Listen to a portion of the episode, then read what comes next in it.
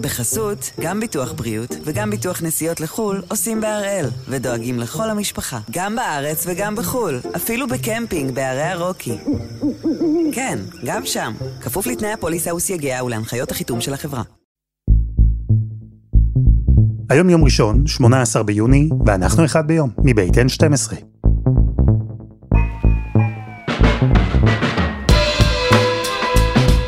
אני אלעד שמחיוף ואנחנו כאן כדי להבין טוב יותר מה קורה סביבנו, סיפור אחד ביום, בכל יום.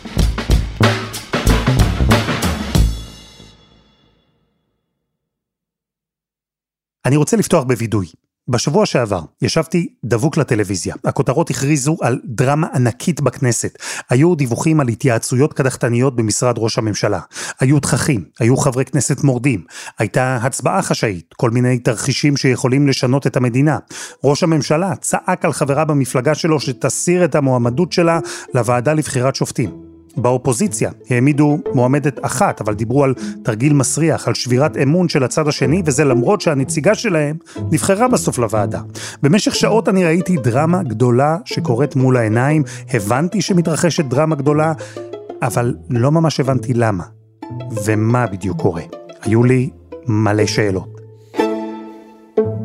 ואחרי הווידוי הזה, יש לי עוד וידוי אחד. כי למזלי, אני עובד במקום כזה, בעבודה כזו, שאם אני לא מבין משהו, ואגב זה קורה לא מעט, אז יש לי את מי לשאול. אז הפעם נבין ביחד מה בדיוק היה כל כך דרמטי בדרמה הגדולה שקרתה בשבוע שעבר בכנסת.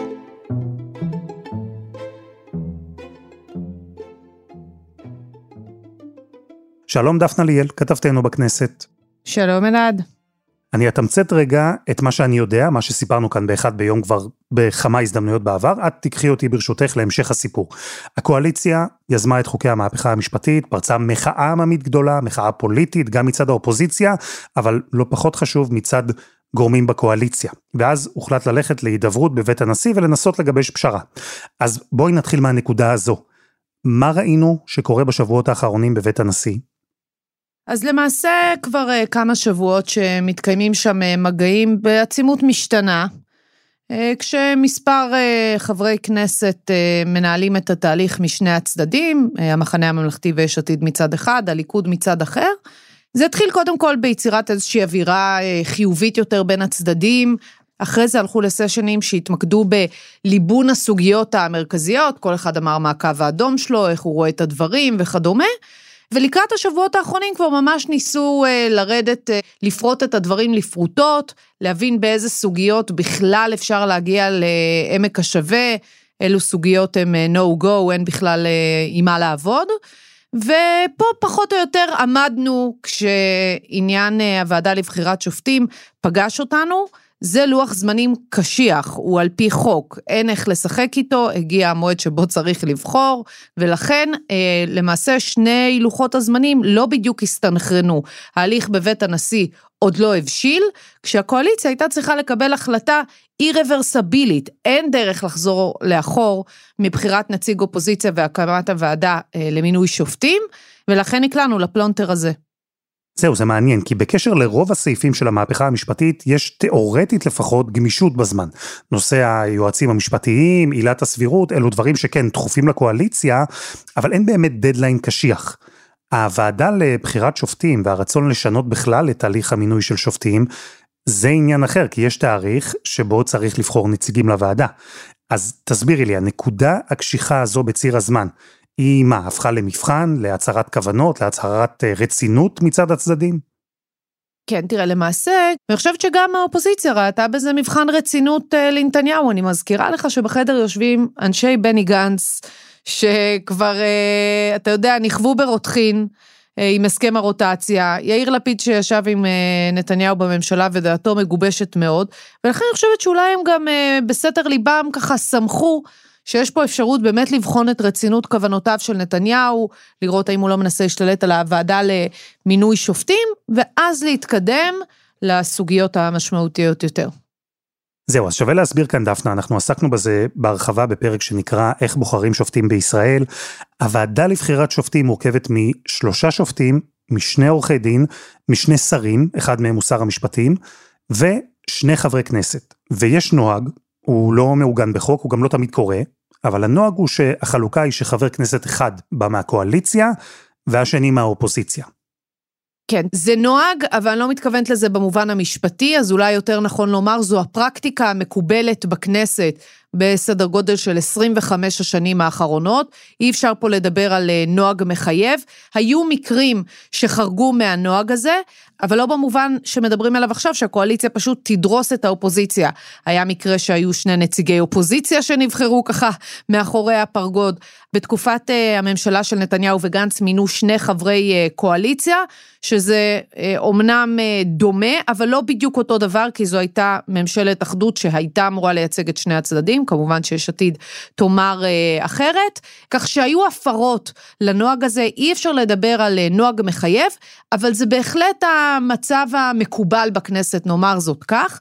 ובאופוזיציה אומרים על אחת כמה וכמה בכנסת הזו, כשהאופוזיציה רואה את הדברים בצורה כל כך שונה מהקואליציה, הם עמדו על כך שיהיה להם נציג, וחשוב לציין שלממשלה יש גם שני שרים, אז למעשה כך או כך שלושת רבעי מהייצוג הפוליטי בוועדה הוא של הקואליציה.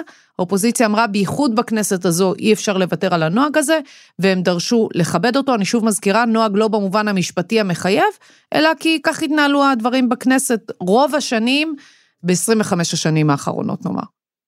אוקיי, okay, ועל עצם הסוגיה הזו הייתה מחלוקת בין הקואליציה לאופוזיציה, על אם הקואליציה תסכים לפעול בהתאם לנוהג הזה ולאפשר גם נציג אחד של האופוזיציה בוועדה, או לא? על זה רבו?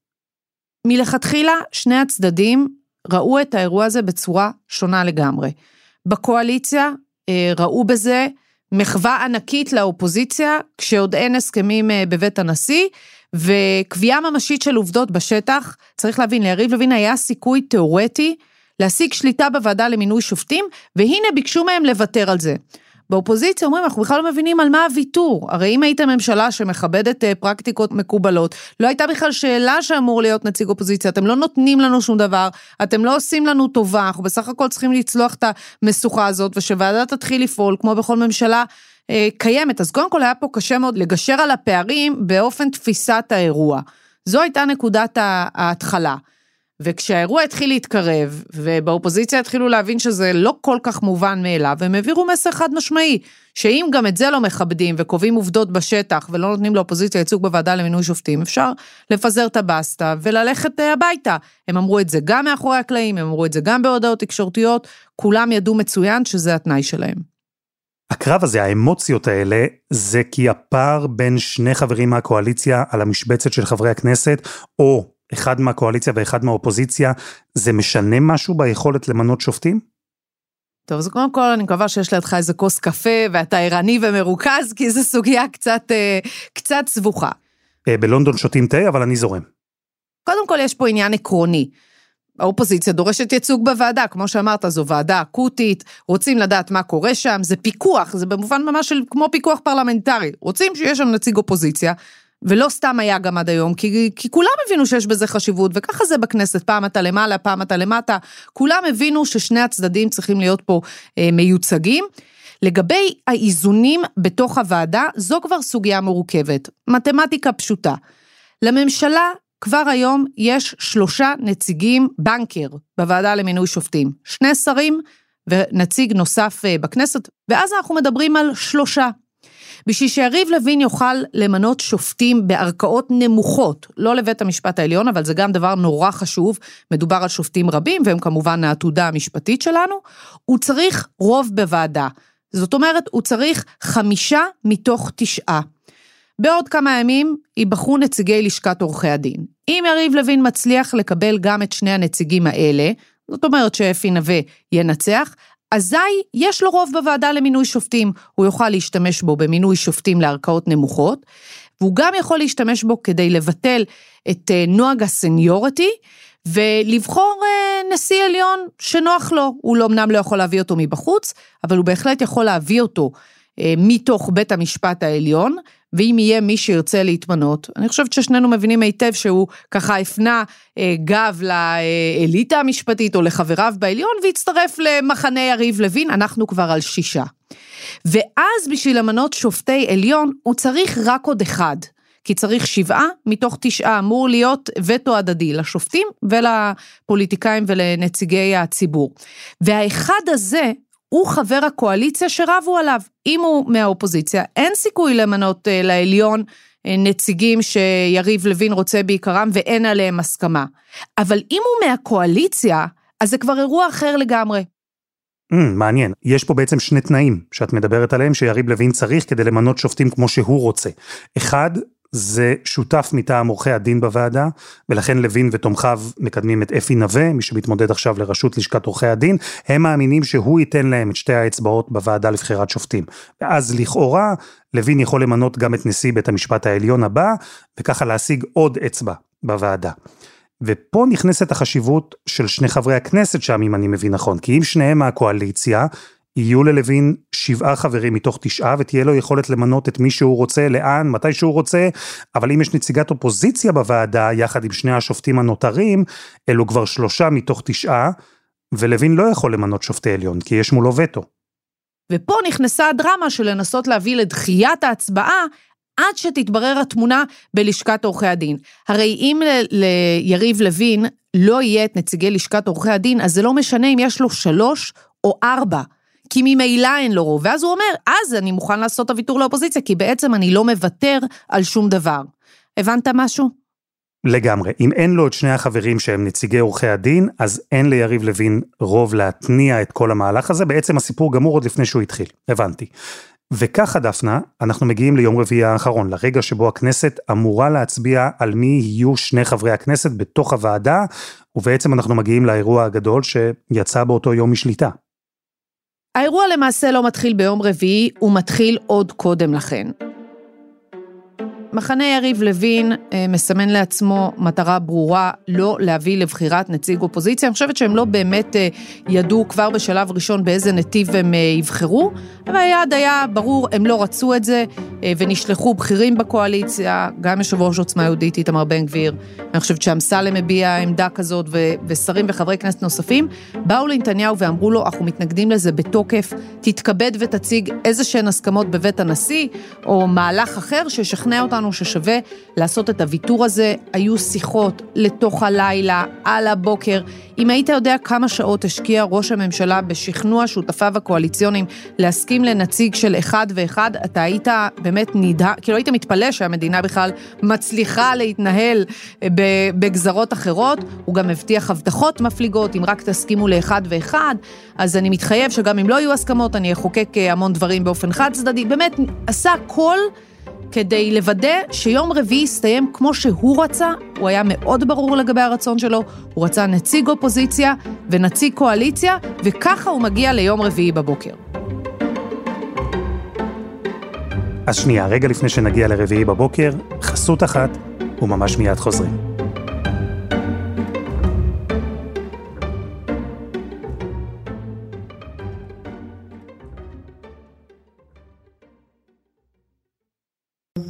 בחסות, גם ביטוח בריאות וגם ביטוח נסיעות לחו"ל עושים בהראל, ודואגים לכל המשפחה, גם בארץ וגם בחו"ל, אפילו בקמפינג בערי הרוקי.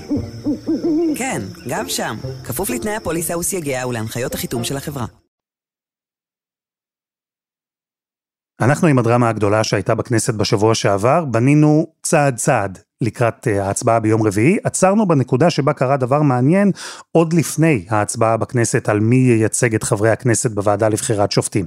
כי גורמים בקואליציה, כמו לוין, כמו אמסלם, כמו בן גביר ואחרים, אמרו שהם רוצים ששני הנציגים יהיו מהקואליציה. נתניהו מהצד השני רצה להמשיך את הנוהג של חבר אחד מהקואליציה וחבר אחד מהאופוזיציה, מתוך הבנה שאם הדבר הזה לא יקרה, אז נציגי האופוזיציה יפוצצו את השיחות בבית הנשיא, המחאה ברחוב תתעצם, אנחנו נגיע לפיצוץ. אז דפנה נתניהו מגיע ברביעי בבוקר לכנסת, וישר מבין שיש לו בעיה.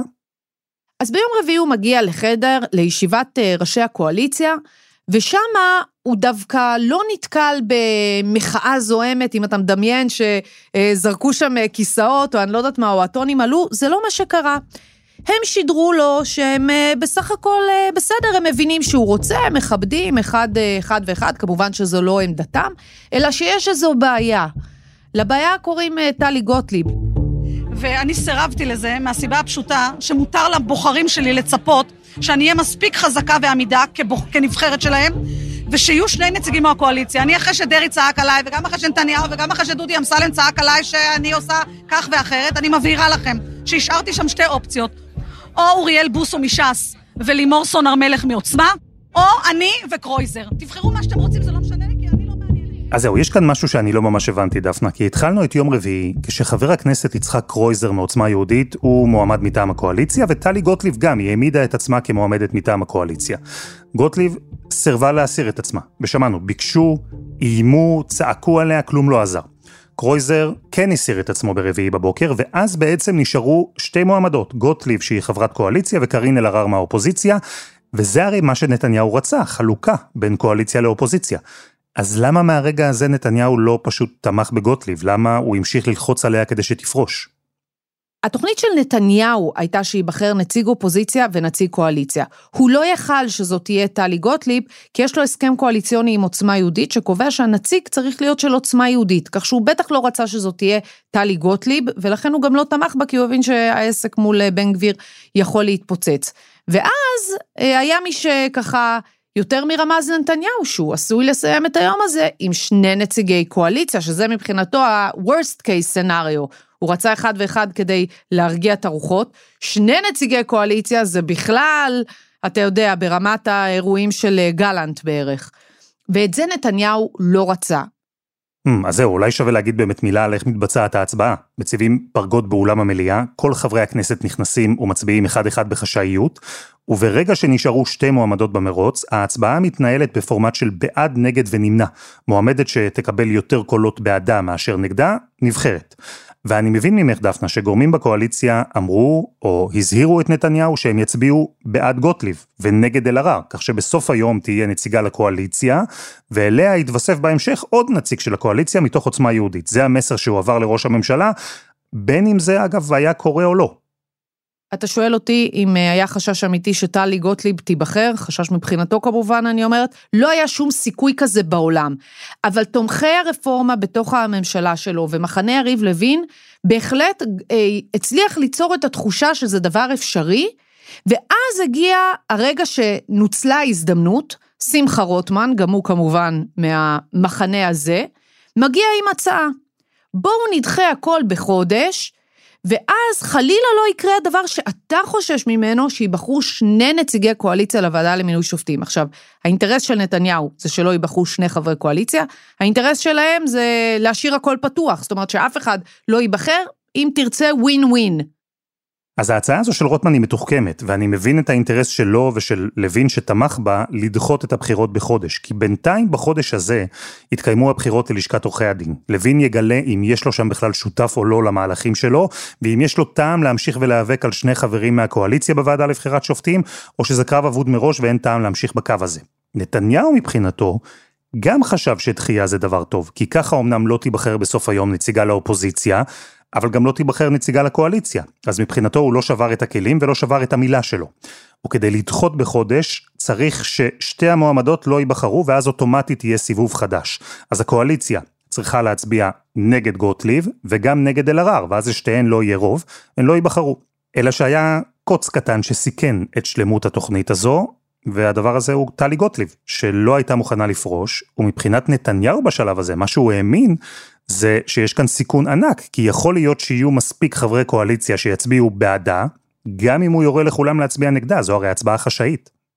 ואז באמת uh, מתחיל uh, דין ודברים, מתלבטים מה לעשות, מציעים גם לגוטליב לפרוש במסגרת אותו רעיון, צעקות בחדר, אגב, משתפים עם נתניהו פעולה, כולם uh, ככה מפעילים עליה לחץ כשהם כבר יודעים כמובן שהיא לא תפרוש, ואז נתניהו מיישר קו ואומר, אוקיי, בסדר, נדחה, כשהוא מניח שהאופוזיציה תבין שהוא עשה את המהלך הזה במרכאות לטובתה, כדי שחלילה לא ייבחרו שני נציגי קואליציה לוועדה למינוי שופטים. התוצאות גם הוכיחו עד כמה זה מופרך, אבל זה רק מראה לך שזה היה איזשהו ניסיון לתמרן את נתניהו לתוצאה שמחנה יריב לוין רצה מלכתחילה, והיא שלא ייקבעו עובדות בשטח. אוקיי, okay, אז את כל זה, האינטרס של לוין ושל רוטמן לדחות, וגם של נתניהו, אני מבין, זה הכל הגיוני, אבל יש דבר אחד שפחות הגיוני לי, וזו ההתעקשות של גוטליב להישאר במרוץ. מה האינטרס שלה?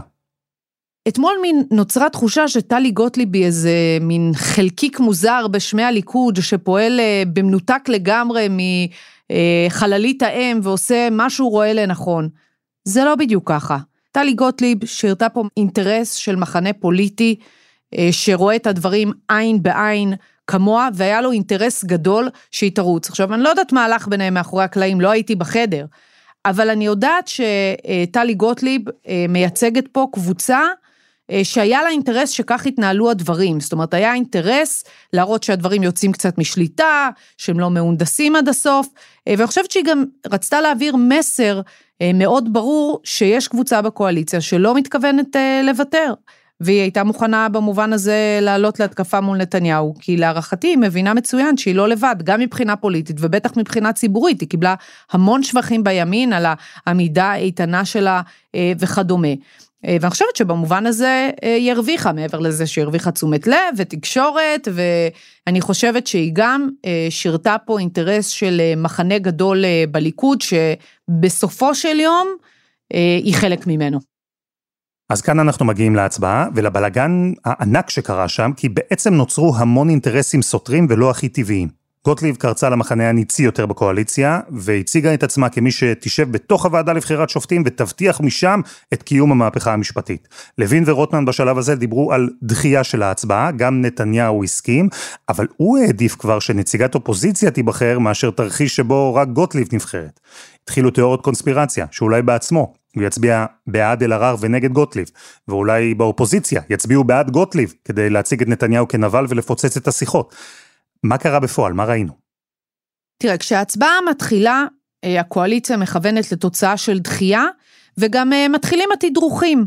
זה בסך הכל דחייה, נתניהו עשה כל מאמץ להוריד את טלי גוטליב, אני לא יודעת אם ראית ככה את הדיבורים על כך שהיה צרחות באמת עד לב השמיים, בסדר, גם אם היו, ממתי uh, ככה, בוא נגיד, דואגים שכולם ידעו מזה בצורה כזאת, כי באמת נתניהו ריצה להעביר את המסר שזה בסך הכל טכני, הוא פחד פה ממיס קלקולציות, אפילו, בוא נגיד, האופוזיציה כמעט צריכה להודות לו על זה שהוא uh, דחה את, ה, את ההצבעה, כך ראו שם את, ה, את הדברים. וכשהתחילה ההצבעה, ונתניהו הבין שהאופוזיציה לא מנתחת כך את הסיטואציה, אה, ורואה בזה משבר אמון אדיר, אה, אני חושבת שהטון השתנה, והגורמים בקואליציה שלא רצו בפיצוץ השיחות, הצביעו לקארין אלהרר מאחורי הפרגוד, לא יודעת להגיד מה עשה נתניהו עצמו, אבל ודאי אלה שלא רוצים כרגע אה, את שבירת הכלים. זהו, ולכן התוצאות משמעותיות, כי גילינו שיש בקואליציה לפחות כמה חברי כנסת, שכאשר הם עומדים מאחורי פרגוד ובחשאיות, הצביעו לאלהרר, כי הם לא רוצים לפוצץ את השיחות בבית הנשיא, כלומר, הם לא רוצים להמשיך באופן חד צדדי עם המהפכה המשפטית. אנחנו לא יודעים כמה בדיוק יש כאלה, כי אנחנו לא יודעים אם כל חברי האופוזיציה הצביעו בעד אלהרר. 58 תמכו בה בסופו של דבר, לעומת 56 שהתנגדו. וזה אומר, דפנה, שבכל מקרה, תהיה נציגה לאופוזיציה בוועדה לבחירת שופטים, קארין אלהרר, ולגבי נציג שני, יערכו בחירות חדשות בעוד חודש. אז אפשר לומר שבסוף יום רביעי נתניהו היה מרוצה? נתניהו להערכתי בסופו של יום שמח על התוצאה, זאת אומרת הוא לא יצא עם מלוא אהבתו בידו, נציג קואליציה ונציג אופוזיציה, אבל מבין האפשרויות שאחת מהן הייתה בחירת שני נציגי אה, קואליציה, ואחרת הייתה שלא ייבחרו נציגים בכלל. בסופו של דבר נתניהו ככה די אה, נשם לרווחה שזה יסתיים כפי שזה יסתיים, זה אומנם מביך, אה, זה לא נעים, זה נראה כמו כישלון ניהולי, אבל לפחות הוא נשאר במקום שהוא אוהב להיות בו. הכלים עוד לא נשברו סופית, סופית סופית, בוא נאמר את זה ככה, מול אף אחד, הוא עם הראש מעל המים, והוא ישבור את הראש בעוד שבועיים או חודש ימים, כשיגיע הפעם הבאה שצריך לבחור את הנציגים לוועדה למינוי שופטים. אני לא יודעת מה הוא עושה מאחורי הפרגוד, אה, אבל אני חושבת שהתוצאות מלמדות שיש כמה וכמה גורמים בקואליציה שחשים אי נוחות גדולה מול ההתנהלות הזו וטרחו להעביר את המסר. אז זה עוד דבר שאני לא מבין, הרי נתניהו כל היום ניסה לשכנע את גוטליב לפרוש מהמרוץ בדיוק כדי שלא יהיה מצב של שני נציגי קואליציה בוועדה. אחר כך גם הענישו אותה בליכוד, כלומר זה לא היה משחק. בשורה התחתונה, קארין אלהרר נבחרה, יש נציגת אופוזיציה בוועדה לבחירת שופטים. למה לפיד וגנץ סיימו את היום הזה כעוסים ויצאו בהצהרה נגד ראש הממשלה? קרה בדיוק מה שהם רצו שיקרה. תראה, קודם כל אתה צודק. זאת אומרת, בשורה התחתונה, באמת מה שהנחה את נתניהו זה לא לפוצץ את השיחות בבית הנשיא, ובמובן הזה אני חושבת שהוא אה, לא בגד באמון של האופוזיציה, אה, והוא, בוא נאמר בעניין הזה, מילא את אה, חובתו כלפי אה, המתרחש בבית הנשיא. איפה הוא כן הפר את האמון של האופוזיציה? בזמן שהוא ניסה לשכנע את בן גביר וסמוטריץ' ולוין ושאר החברים, הוא הבטיח להם שגם אם השיחות יתפוצצו, הוא יחוקק חד צדדית לפחות את מה שסוכם כבר בבית הנשיא. והוא גם, מסתבר, הבטיח להם לשנות את הרכב הוועדה לבחירת שופטים. הדבר הזה יצא לתקשורת, אתה יכול להניח אה, למי היה אינטרס להוציא את זה לתקשורת, את המחויבויות האלה של נתניהו ולסנדל אותו, ואז הם פתאום הבינו שכל מה שקורה בבית הנשיא, הוא למעשה הלבנה של סוגיות מסוימות, כדי שאחרי זה, גם אם השיחות לא יבשילו, נתניהו יוכל לבוא לומר, ולומר, על זה הם הסכימו ועל זה הם הסכימו, וזה בדיוק מה שקרה אתמול, שבאמת הטריף את האופוזיציה. לא העובדה שנבחרה קארין אלהרר. זה שהתברר שנתניהו הבטיח לשותפים שלו, וזה אגב לא מוכחש, לקדם את כל ההסכמות בבית הנשיא באופן חד צדדי, ויותר מזה. ופה הופר האמון ברגל גסה. ויום שלם האופוזיציה פשוט ראתה את תרחיש הבלהות מתרחש לה מול העיניים.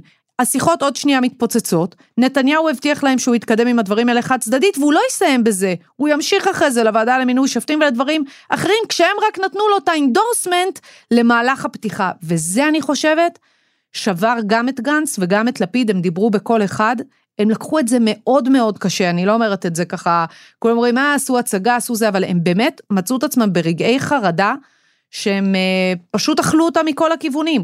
הבשורות הטובות פחות הן שיש נציגות בוועדה לבחיר... נציגה בוועדה לבחירת שופטים, אבל אין ועדה לבחירת שופטים.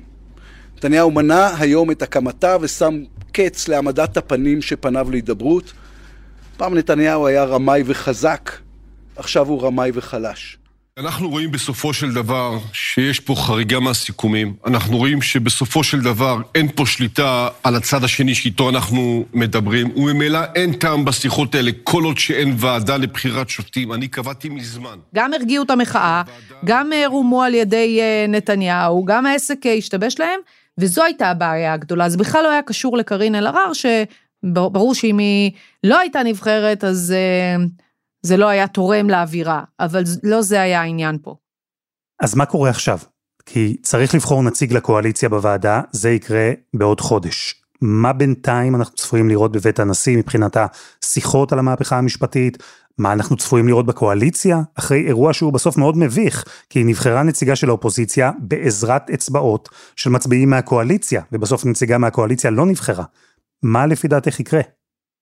קודם כל, אני לא יודעת לומר מה יהיה בשיחות בבית הנשיא, הם ודאי לא יתחדשו מיידית, יש שם עבודה מאוד uh, משמעותית לעשות להשיב את האמון בין הצדדים, וגם אם זה יקרה, זה יקרה רק אחרי שייבחר נציג קואליציה לוועדה למינוי שופטים, ולמעשה המחנה הממלכתי מצטרפת לדרישה של יש עתיד, שהוועדה גם תתחיל לפעול. זאת אומרת, הם רוצים איזושהי תעודת ביטוח, שדברים מתחילים לנוע על מסלול אה, הגיוני, לפני שמתקדמים בשיחות, לא יודעת כבר אם לקואליציה תהיה את הסבלנות להמתין לזה. וקרה עוד דבר משמעותי, שלא צריך להקל בראש. מחנה הימין הושפל, ולדבר הזה יש משמעות. נתניהו חי את הבייס, הלחץ עליו אדיר להתחיל לחוקק, גם אם לא הכל, אז אה, משהו אחד, ולהתקדם.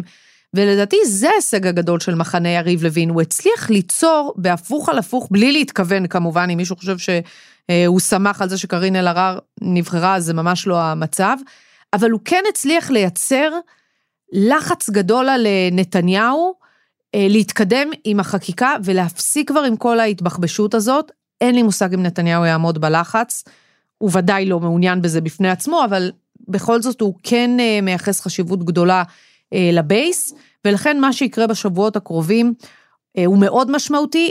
מה שהוא ינסה לעשות זה להעביר משהו שירצה את הימין, ולא יכעיס יותר מדי את המפגינים.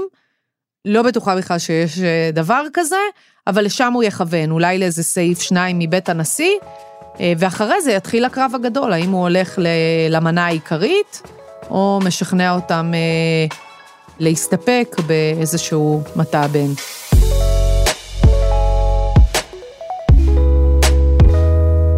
דפנה ליאל, הבנתי הכל, תודה רבה. תודה רבה, אלעד.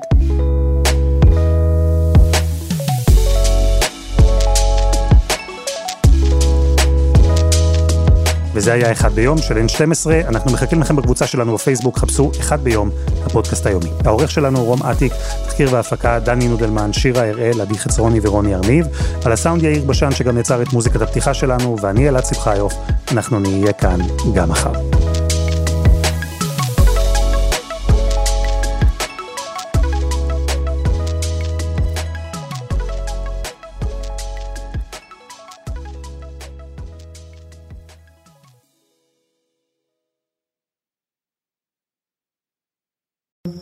בחסות, גם ביטוח בריאות וגם ביטוח נסיעות לחו"ל עושים בהראל, ודואגים לכל המשפחה, גם בארץ וגם בחו"ל, אפילו בקמפינג בערי הרוקי. כן, גם שם, כפוף לתנאי הפוליסה וסייגיה ולהנחיות החיתום של החברה.